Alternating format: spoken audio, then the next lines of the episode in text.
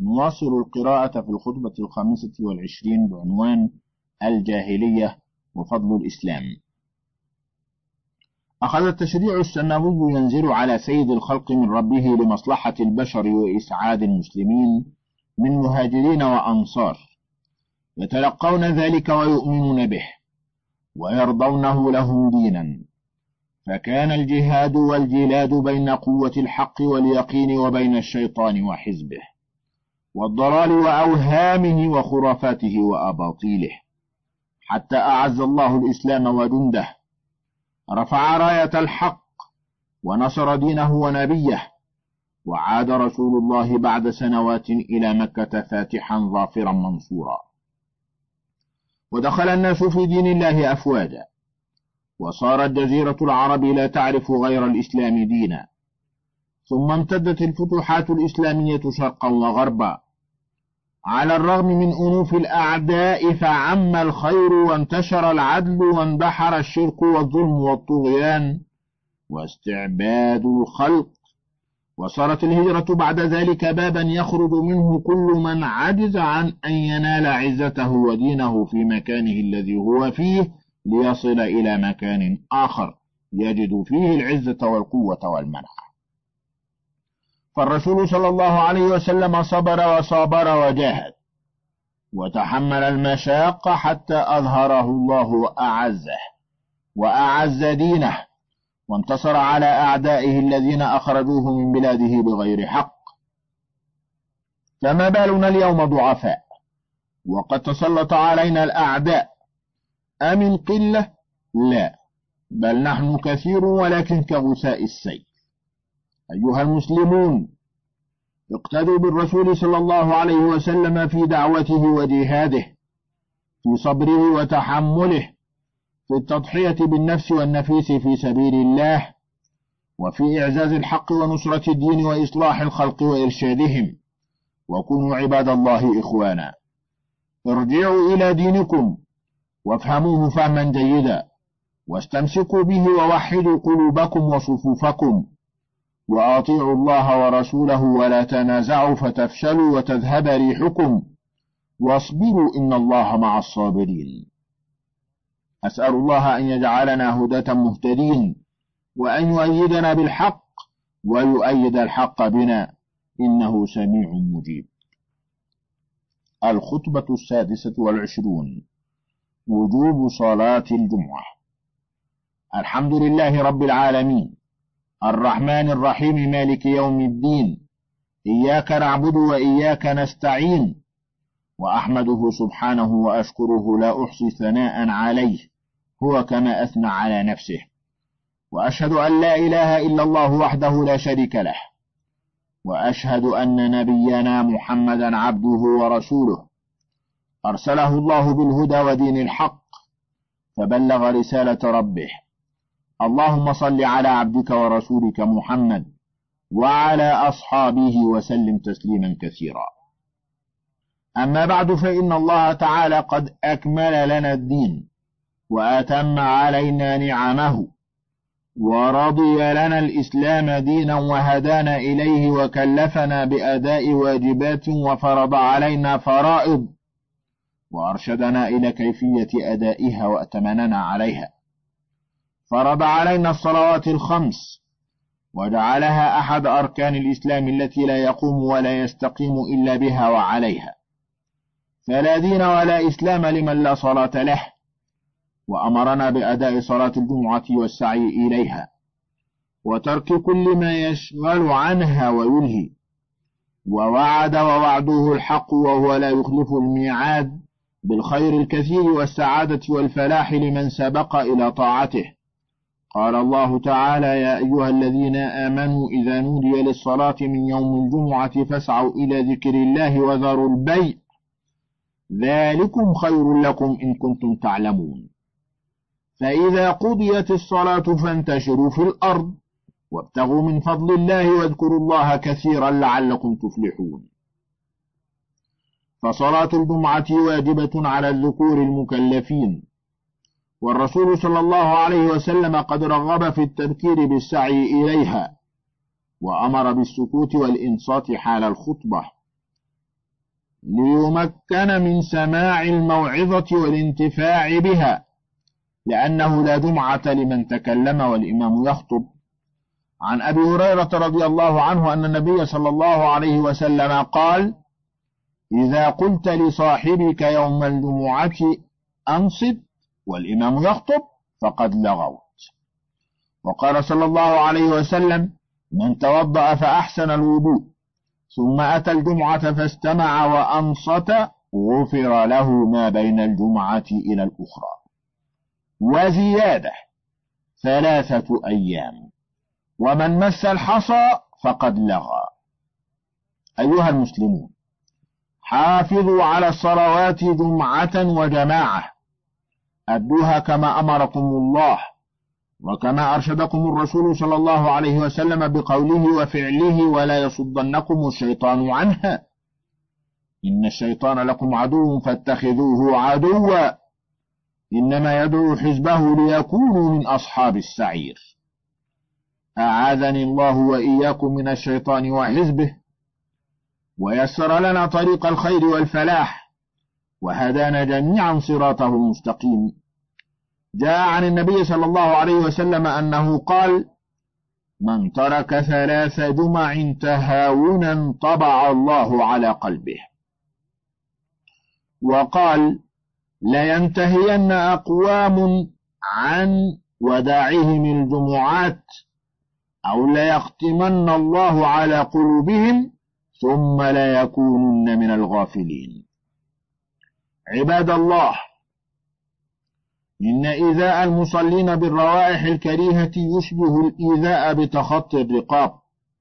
والرسول صلى الله عليه وسلم أمر بالاغتسال في يوم الجمعة وما ذلك إلا لأجل التنظيف وقطع الروائح المؤذية وإزالة الأوساخ من البدن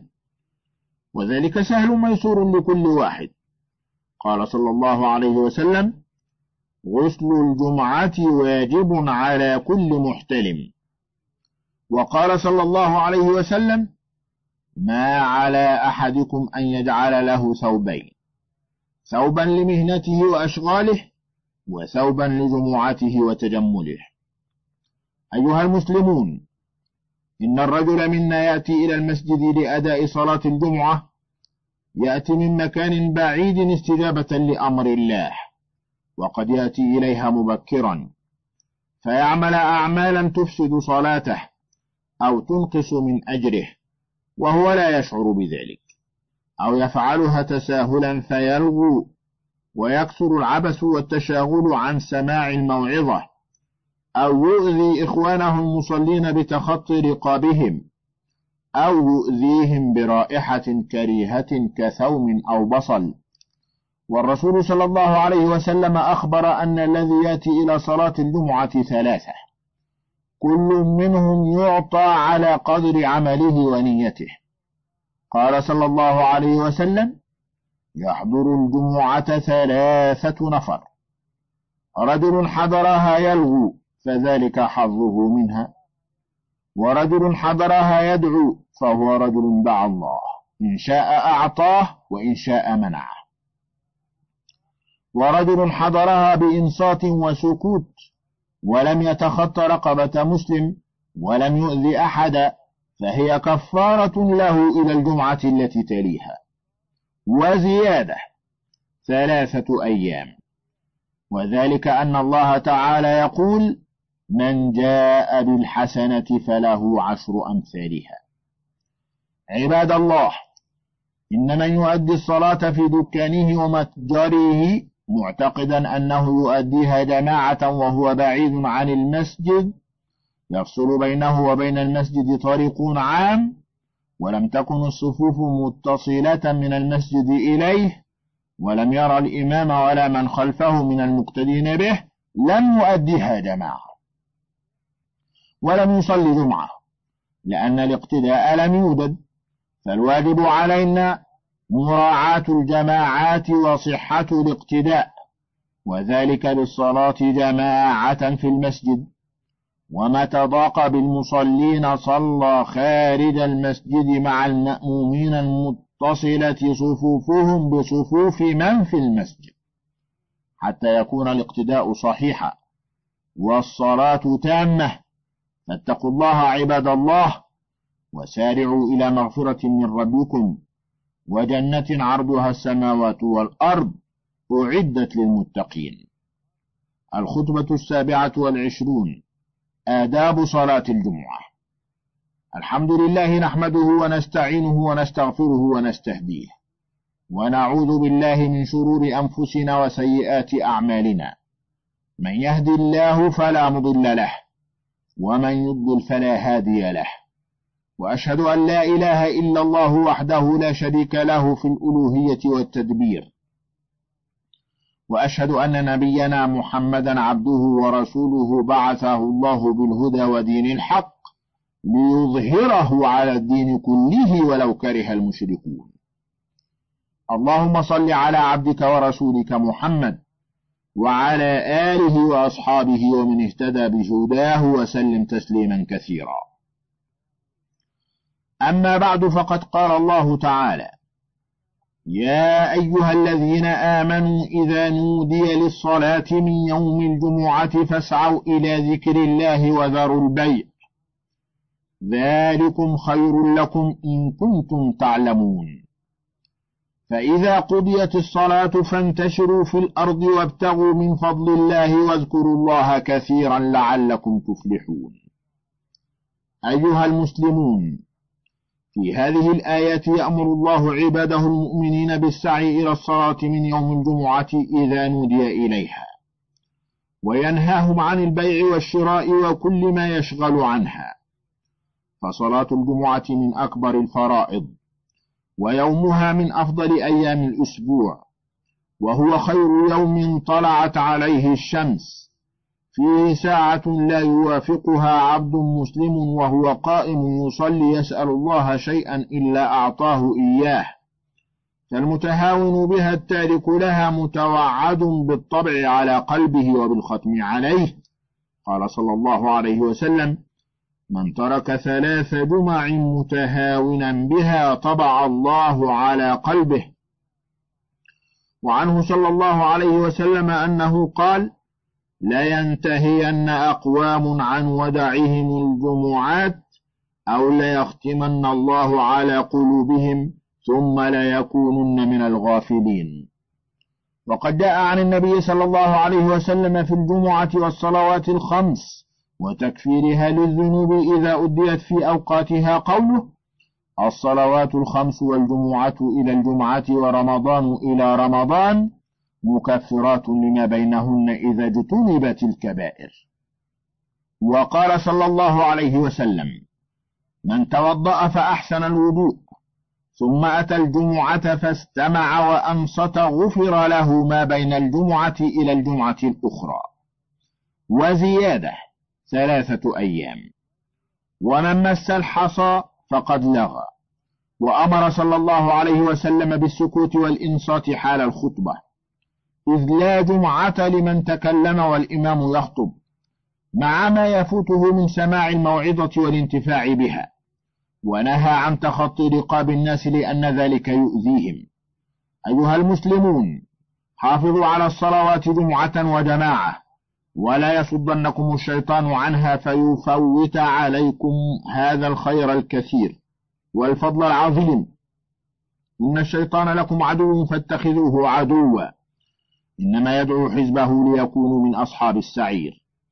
أعاذني الله وإياكم من الشيطان وحزبه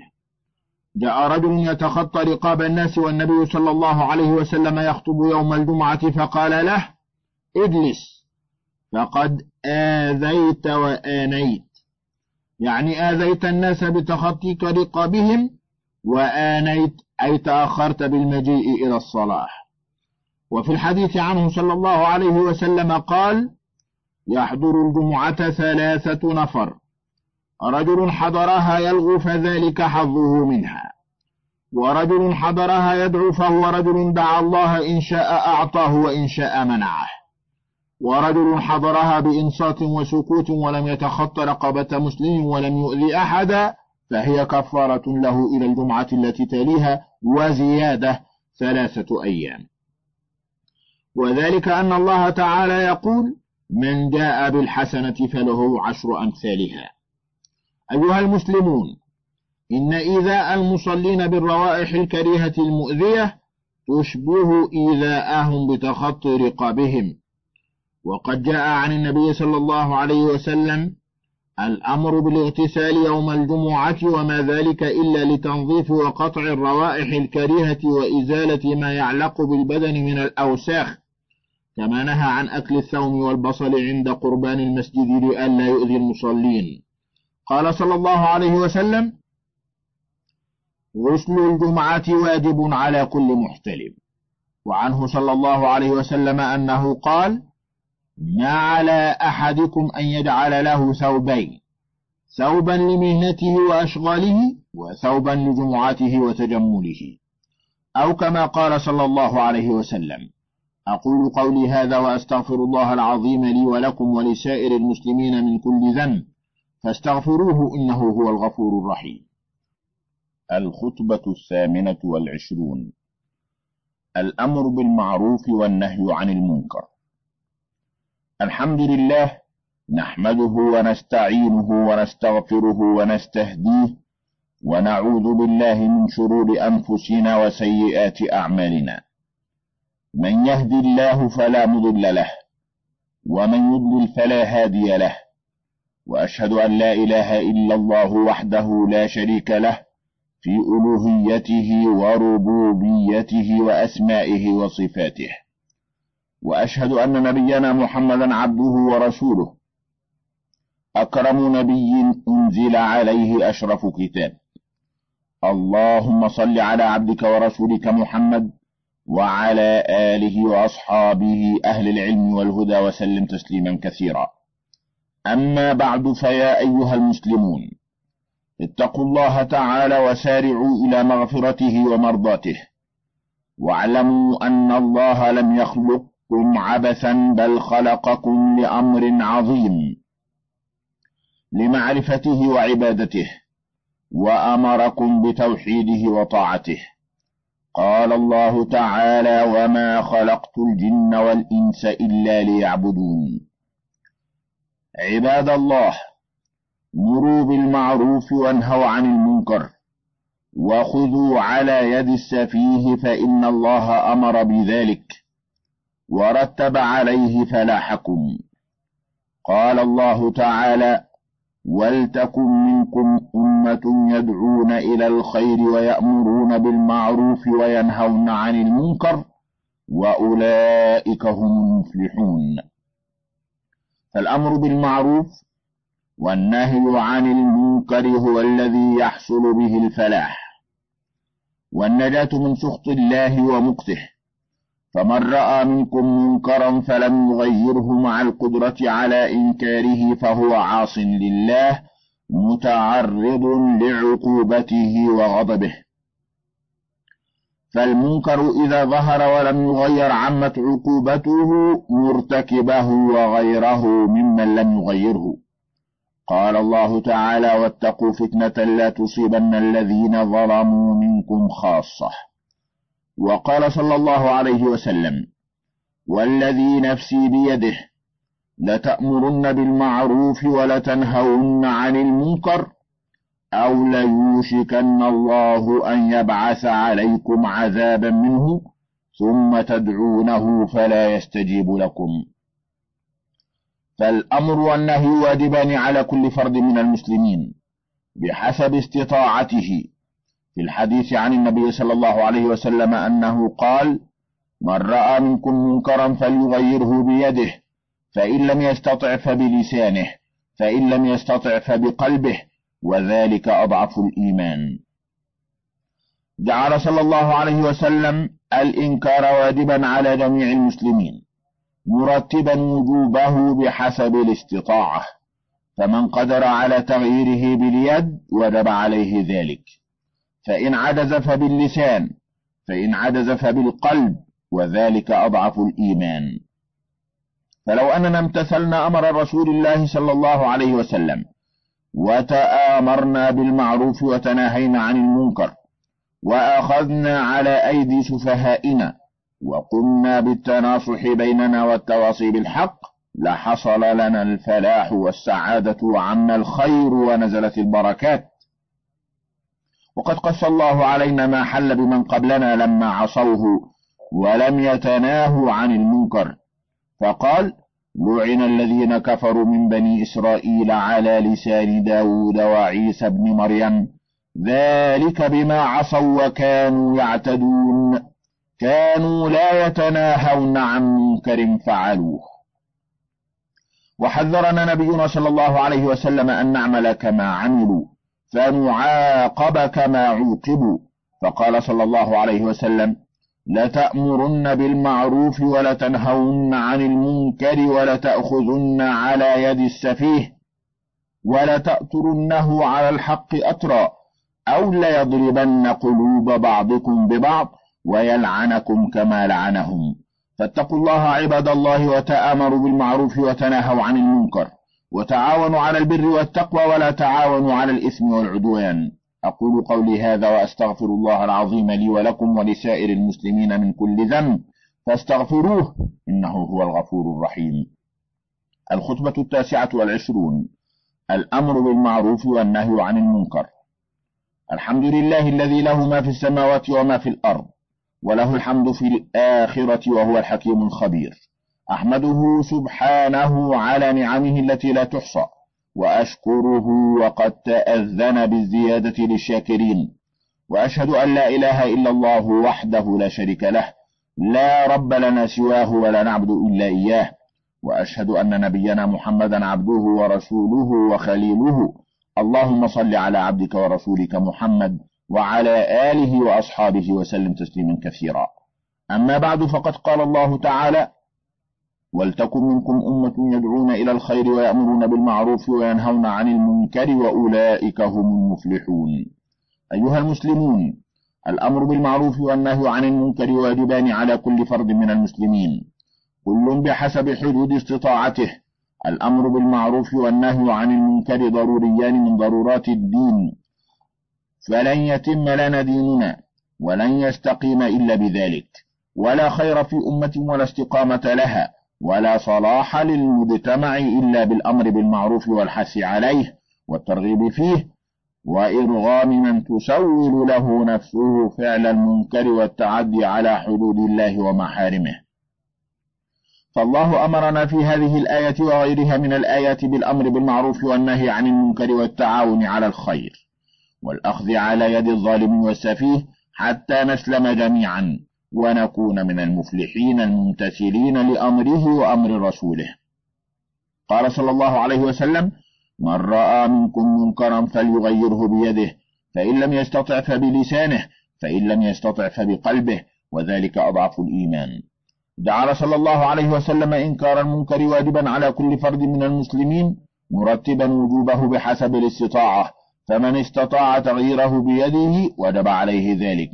فإن عجز باليد وجب عليه إنكاره باللسان فإن عجز وجب عليه إنكاره بقلبه والإنكار بالقلب أضعف الإيمان وأقل درجات الإنكار وأدناها فمن رأى منكم منكرا فلم يغيره وهو قادر عليه فهو عاص لله ولرسوله وظالم لنفسه غاش لإخوانه المسلمين والمنكر إذا ظهر وأعلن به فلم يغير عمت عقوبته مرتكبيه وغيرهم قال الله تعالى واتقوا فتنة لا تصيبن الذين ظلموا منكم خاصة وقال صلى الله عليه وسلم والذي نفسي بيده لتأمرن بالمعروف ولتنهون عن المنكر أو ليوشكن الله أن يبعث عليكم عذابا منه ثم تدعونه فلا يستجيب لكم وعن أبي بكر رضي الله عنه أنه قال يا أيها الناس تقرؤون هذه الآية يا أيها الذين آمنوا عليكم أنفسكم لا يضركم من ضل إذا اهتديتم وإني سمعت رسول الله صلى الله عليه وسلم يقول إن الناس إذا رأوا الظالم فلم يأخذوا على يديه أوشك أن يعمهم الله بعقاب من عنده فلو أننا امتثلنا أمر الله ورسوله وتآمرنا بالمعروف وتناهينا عن المنكر وأخذنا على أيدي سفهائنا وقمنا بالتناصح فيما بيننا والتواصي بالحق والتعاون على البر والتقوى ولو أننا قمنا بذلك بإخلاص في لين ورفق وشفقة لحصل لنا الفلاح والسعادة وعم الخير ونزلت البركات وعشنا عيشة طيبة هنيئة في أمن وإيمان متوادين متراحمين يحب أحدنا الخير لأخيه كما يحبه لنفسه وقد قص الله علينا ما حل بمن قبلنا لما عصوه ولم يتناهوا عن المنكر إذا فعلوه قال الله تعالى لعن الذين كفروا من بني إسرائيل على لسان داود وعيسى بن مريم ذلك بما عصوا وكانوا يعتدون كانوا لا يتناهون عن منكر فعلوه وحذر نبينا صلى الله عليه وسلم أن نعمل كما عملوا فنعاقب كما عوقبوا قال صلى الله عليه وسلم لتأمرن بالمعروف ولتنهون عن المنكر ولتأخذن على يد السفيه ولتأترنه على الحق أو ليضربن الله قلوب بعضكم ببعض ويلعنكم كما لعنهم فاتقوا الله عباد الله وتآمروا بالمعروف وتناهوا عن المنكر وتعاونوا على البر والتقوى ولا تعاونوا على الإثم والعدوان بارك الله لي ولكم في القرآن العظيم أقول قولي هذا وأستغفر الله لي ولكم ولسائر المسلمين من كل ذنب فاستغفروه إنه هو الغفور الرحيم الخطبة الثلاثون فلنكن خير أمة أخرجت للناس الحمد لله هدانا للإسلام وجعلنا خير أمة أخرجت للناس نأمر بالمعروف وننهى عن المنكر وأشكره وقد وعد بالزيادة للشاكرين وأشهد أن لا إله إلا الله وحده لا شريك له رب الخلق وإله العالمين وأشهد أن نبينا محمدا عبده ورسوله دعا الخلق إلى توحيد ربهم وهداهم إلى صراط مستقيم اللهم صل على عبدك ورسولك محمد وعلى آله وأصحابه دعاة الخير والعلم والدين وسلم تسليما كثيرا أما بعد فقد قال الله تعالى ولتكن منكم أمة يدعون إلى الخير ويأمرون بالمعروف وينهون عن المنكر وأولئك هم المفلحون عباد الله التعاون على الخير والتواصي بالحق والصبر عليه واجب على كل فرد من أفراد المسلمين الأمر بالمعروف والنهي عن المنكر والدعوة إلى الخير والصلاح واجب على كل فرد من أفراد المسلمين ذكرهم وأنثاهم بذلك صلاح الأمة ونداحها ونداتها كل بحسبه وعلى قدر استطاعته لا عذر لأحد فيه يدعو إلى الخير مر بالمعروف انهى عن المنكر والفحشاء ما استطعت إلى ذلك سبيلا اعرف المعروف قبل أن تقوم به وهو ما عرفه الشرع وأمر به وأقره واعرف المنكر أولا قبل أن تنكره وهو كل ما أنكره ديننا ونهى عنه وحذر منه كل ذلك منكر يجب إبعاد الناس عنه وتحذيرهم ومنعهم منه من رأى منكم منكرا أو سمعه قولا أو فعلا وجب عليه إنكاره وإزالته لا يمنعه ولا يصده عن ذلك خوف ضرر أو تخويف الشيطان وإرجافاته أيها المسلم أنت بعملك هذا وبدعوتك إلى الخير ممتثل أمر ربك قائم بحق إخوانك المسلمين من نصح لهم وشفقة عليهم وإرشاد لهم مساهم في إصلاح أمتك وتطهير مجتمعك الإسلامي من الرذائل والأمراض الخبيثة ومنعها من سريانها في جسم أمتك حتى لا تنهكها وتقضي عليها أداء هذه الواجبات نافع لجميع الأمة وتركه ضار بها لا يختص ضرره بمرتكبه قال رسول الله صلى الله عليه وسلم مثل القائم في حدود الله والواقع فيها كمثل قوم استهموا على سفينة فصار بعضهم أعلاها وبعضهم أسفلها فكان الذي في أسفلها إذا استقوا من الماء مروا على من فوقهم فقالوا لو خرقنا في نصيبنا ولم نؤذ من فوقنا فإن تركوهم وما أرادوا هلكوا جميعا وإن أخذوا على أيديهم نجوا جميعا فخير الناس من يأمر بالمعروف وينهى عن المنكر ويدعو إلى الخير قال تعالى كنتم خير أمة أخرجت للناس تأمرون بالمعروف وتنهون عن المنكر وتؤمنون بالله من فضلك تابع بقية المادة